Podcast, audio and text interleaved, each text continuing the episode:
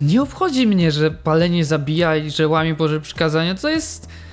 To jest moje życie i co z nim chcę, to robię. No, Dlaczego nie należy używać nikotyny? Dlaczego uważamy, że palenie tytoniu jest grzechem? Przecież cukier jest bardziej szkodliwy dla zdrowia i też wywołuje uzależnienie. Nikt jednak nie występuje przeciwko dowolnemu używaniu cukru i nikt nie mówi, że jego konsumpcja jest grzechem, choć spożywanie cukru jest powodem wielu chorób. W czym tkwi różnica między papierosami a cukrem, jeśli i pierwsze i drugie szkodzi organizmowi człowieka? Czy każde uzależnienie jest grzechem, czy tylko palenie, a dowolne używanie cukru nim już nie jest? Cóż, porozmawiamy o tym. Pierwsze, na co zwrócimy uwagę, to to, że w Piśmie Świętym nie ma żadnego wersetu, który mówiłby o szkodliwości palenia tytoniu i konsumpcji cukru. W czasie pisania Pisma Świętego te używki nie istniały albo miały inne nazwy, formy czy znaczenie. Dlatego, kiedy stwierdzamy, że palenie papierosów i używanie narkotyków to coś złego, bo zabija nas od wewnątrz, opieramy się na ogólnych zasadach biblijnych, zdrowym rozsądku oraz współczesnych odkryciach naukowych. Owszem, w tematach odżywiania czy picia najczęściej chrześcijanie powołują się na słowa apostoła Pawła, gdzie mówi on o tym, że nasze ciało jest świątynią Ducha Bożego. Czyli podstawowe stanowisko biblijne w kwestii zdrowia jest proste i zrozumiałe. Jeżeli chcesz, żeby Duch Boży działał w tobie, to nie będziesz napełniał swojego organizmu różnego rodzaju śmieciami. Proste jak dwa razy dwa. Chyba nikt nie będzie się z tym spierał. Inne pytanie brzmi, kto i na podstawie czego wyznacza dzisiaj kryterium tego, co dla człowieka jest szkodliwe, a co nie? Dlaczego palenie papierosów uznajemy za szkodliwy nauk, który nawróceni chrześcijanie powinni porzucić, a szkodliwy cukier tak dobrze pasuje do chrześcijańskiego stylu życia? Mamy na to odpowiedź, ale trzeba badać trochę głębiej. Przyczyny braku akceptacji dla palenia tytoniu przez chrześcijan wypływają nie tylko z jego bezpośrednio szkodliwego działania na nasze fizyczne zdrowie. Jeżeli zagłębimy się w historii, to znajdziemy tam coś ciekawego. Wiadomo, że Krzysztof Kolumb przywiózł pierwszy pęczek suszonego tytoniu do Europy jeszcze w XV wieku. Na początku ten egzotyczny produkt nie wywołał zainteresowania. W Hiszpanii tamtejsi duchowni od początku byli negatywnie nastawieni do nowego trendu palenia tytoniu, ale nie ze względu na jego szkodliwość, a raczej szokujący wizualny efekt. W roku 1501 członek zespołu Kolumba, Hiszpan Rodrigo de Jerez, został skazany na karę pozbawienia wolności za palenie tytoniu. Hiszpanie, zobaczywszy jak Rodrigo wydmuchuje dym z ust, uznali, że marynarz jest opętany przez demona.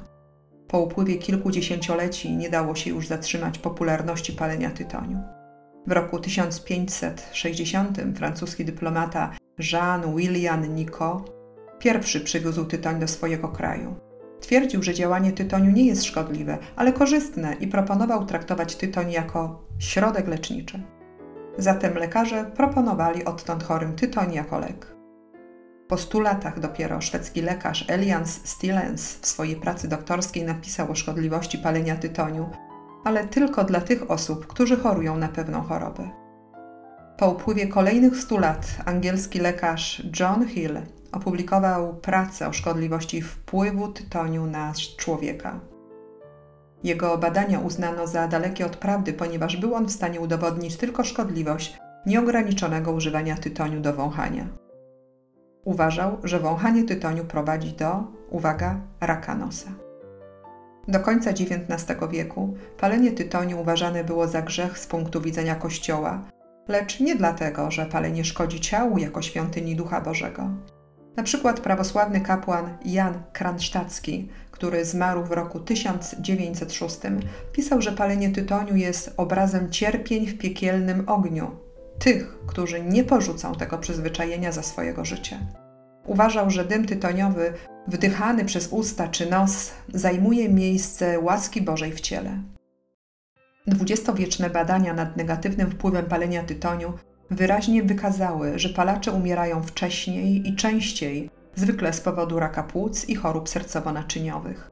Pierwsze takie badania opublikowano w połowie lat 60. Na tym poziomie różnica między paleniem tytoniu a spożywaniem cukru jest oczywista. Tytoń szkodliwy jest w najmniejszych dawkach. W papierosach nie ma żadnego korzystnego komponentu. Cukier zawiera zaś fruktozę i glukozę, które w małych dawkach mogą korzystnie wpływać na organizm. W kwestiach, gdzie nauka nie jest sprzeczna z Pismem Świętym, to możemy ufać nauce. Niektórzy uważają, że jeśli by cukier był faktycznie produktem bardzo szkodliwym dla człowieka, to na opakowaniu prawdopodobnie napisane byłoby, aby uważać, bo jest to produkt niebezpieczny, a nawet wycofano może by go ze sprzedaży. Dzisiaj na opakowaniu paczki papierosów wielkimi literami można przeczytać, że palenie jest szkodliwe dla zdrowia. Każdy palący, biorąc do ręki opakowanie z papierosami, widzi ten napis: palenie zabija. Każdy palący tym samym łamie przykazanie Boże, które brzmi: nie zabijaj. Wciągając kolejny raz dym tytoniowy, palacz stwierdza: Nie obchodzi mnie, że palenie zabija i że łamie Boże przykazania. To jest. To jest moje życie i co z nim chcę, to robię. No i powiem więcej, mój dziadek z 8 lat palił i, i co? I, I zmarł jak miał 80, tak? Więc proszę uprzejmie, nie przeszkadzajcie mi cieszyć się moją wolnością. Myślę, że wielu z Was słyszało podobne stwierdzenie od ludzi palących papierosy. Pozwól, skomentuję krótko to stwierdzenie. Odnośnie palącego dziadka, który przeżył 80 lat. Moim zdaniem niemądrze jest patrzeć na kogoś, kto siebie zabija i brać z tego przykład. Faktycznie ważne jest nie to, ile lat przeżyjesz, ale jak je przeżyjesz i gdzie znajdziesz się potem. Można sobie wyobrazić, o ileż piękniejsze byłoby życie człowieka, gdyby nie palił on przez te całe 70 lat. A co do wolności, palenie to iluzja, iluzja wolności. Przypomnij sobie reklamy papierosów, na szczęście dzisiaj już zabronione. W reklamie palenie zawsze pokazane było jako coś, co sprawia, że wyróżniasz się spośród innych. Palenie w reklamach czyniło cię kimś lepszym od innych. Jeśli nastolatek brał papierosa do ręki, to natychmiast stawał się dorosłym, a mężczyzna poważniejszym, a kobieta stawała się bardziej niezależna. Każdy z nich mógł odczuwać sztuczną wolność. Takie myślenie zostało nam wmuszone przez reklamę, a potem przez społeczeństwo. Co ciekawe, reklama Coca-Coli w swoim sednie miała coś, co różni się od reklamy papierosów. Reklama coli zakładała, że używanie czarnego gazowanego napoju sprawi, że człowiek po wypiciu coli będzie czuł się lepiej, będzie lekkim, świeżym, szczęśliwszym, wolnym. Ale to tylko reklama. Tak naprawdę i papierosy, i kola wywołują uzależnienie. Oczywiście papierosy bardziej agresywne. Znane są przypadki totalnego uzależnienia od tego słynnego na całym świecie napoju. Tym czasie, kiedy marketingowcy proponują ci wolność przez używanie papierosów i picie Coca-Coli, w rzeczywistości zabierają ci tę wolność. W Piśmie Świętym czytamy takie słowa: Wolność im obiecują, a sami są niewolnikami zepsucia. Przez co bowiem ktoś jest pokonany, przez to jest też zniewolony. Drugi list Piotra 2:19. Albo wszystko mi wolno, ale nie wszystko jest pożyteczne. Wszystko mi wolno, ale ja nie dam się niczym zniewolić. Pierwszy list do Koryntian 6:12. Wielu alkoholików mówi sobie, że wypili ostatni raz. Oni szczerze w to wierzą, ale nie rozumieją, że stali się niewolnikami grzechu i teraz nie potrafią kontrolować sami siebie. Teraz grzech nimi rządzi. Ale nie trzeba być alkoholikiem, żeby być zwyciężonym niewolnikiem, prawda? Na przykład, jeżeli nie możesz odmówić sobie jakiegoś pokarmu, nie możesz zapanować nad tym, by czegoś nie zjeść, to jesteś zniewolony przez ten pokarm. Jeżeli gra komputerowa lub film uzależnią cię, to również ryzykujesz staniem się niewolnikiem grzechu. Pismo Święte podkreśla, że nic nie powinno nas zniewolić. Przyjacielu, trzeba zrozumieć, że grzech to nie tylko złe działanie. Grzech to jest naruszenie relacji z Bogiem. Jak mogą zmienić się Twoje relacje z Bogiem czy z rodziną od wypalenia jednego papierosa? Myślę, że nie zmienią się, ale Ty ryzykujesz uzależnieniem się od tego. Nigdy nie wiadomo, w którym momencie to, czemu się oddajesz, uczyni Cię uzależnionym. Jeżeli myślisz, że przesadzam i wyolbrzymiam, to pozwól przypomnieć o rzeczywistym przykładzie. Wiadomo o skandalicznej śmierci 30-letniej kobiety Natalii Charis, która zmarła po wypiciu dużej ilości Coca-Coli.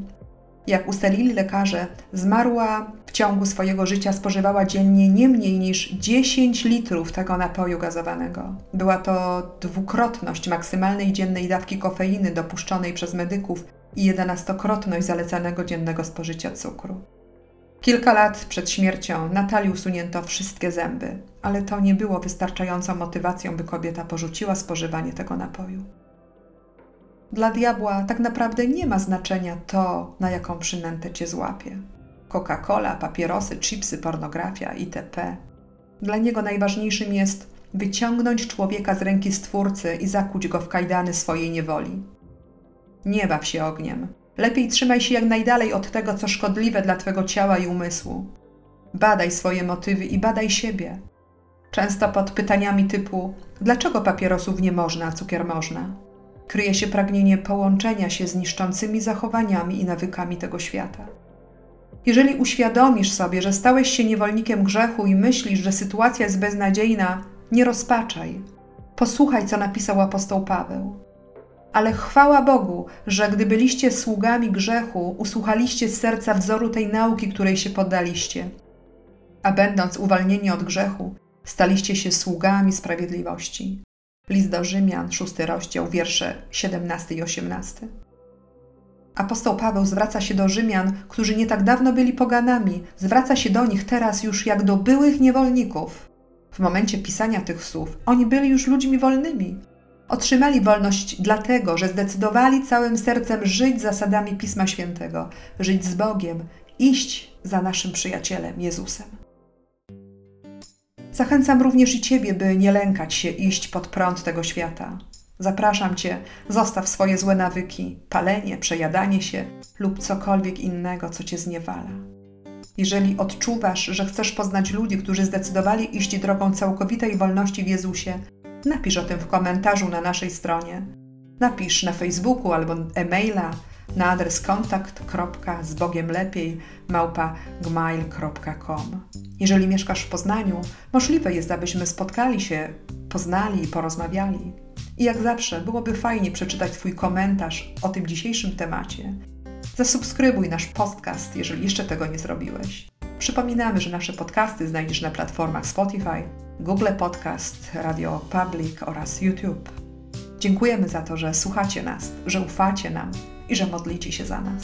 To wszystko inspiruje, by działać dalej, działać dla Was. Nie zapominajmy, że życie z Bogiem jest rzeczywiście lepsze. Do usłyszenia.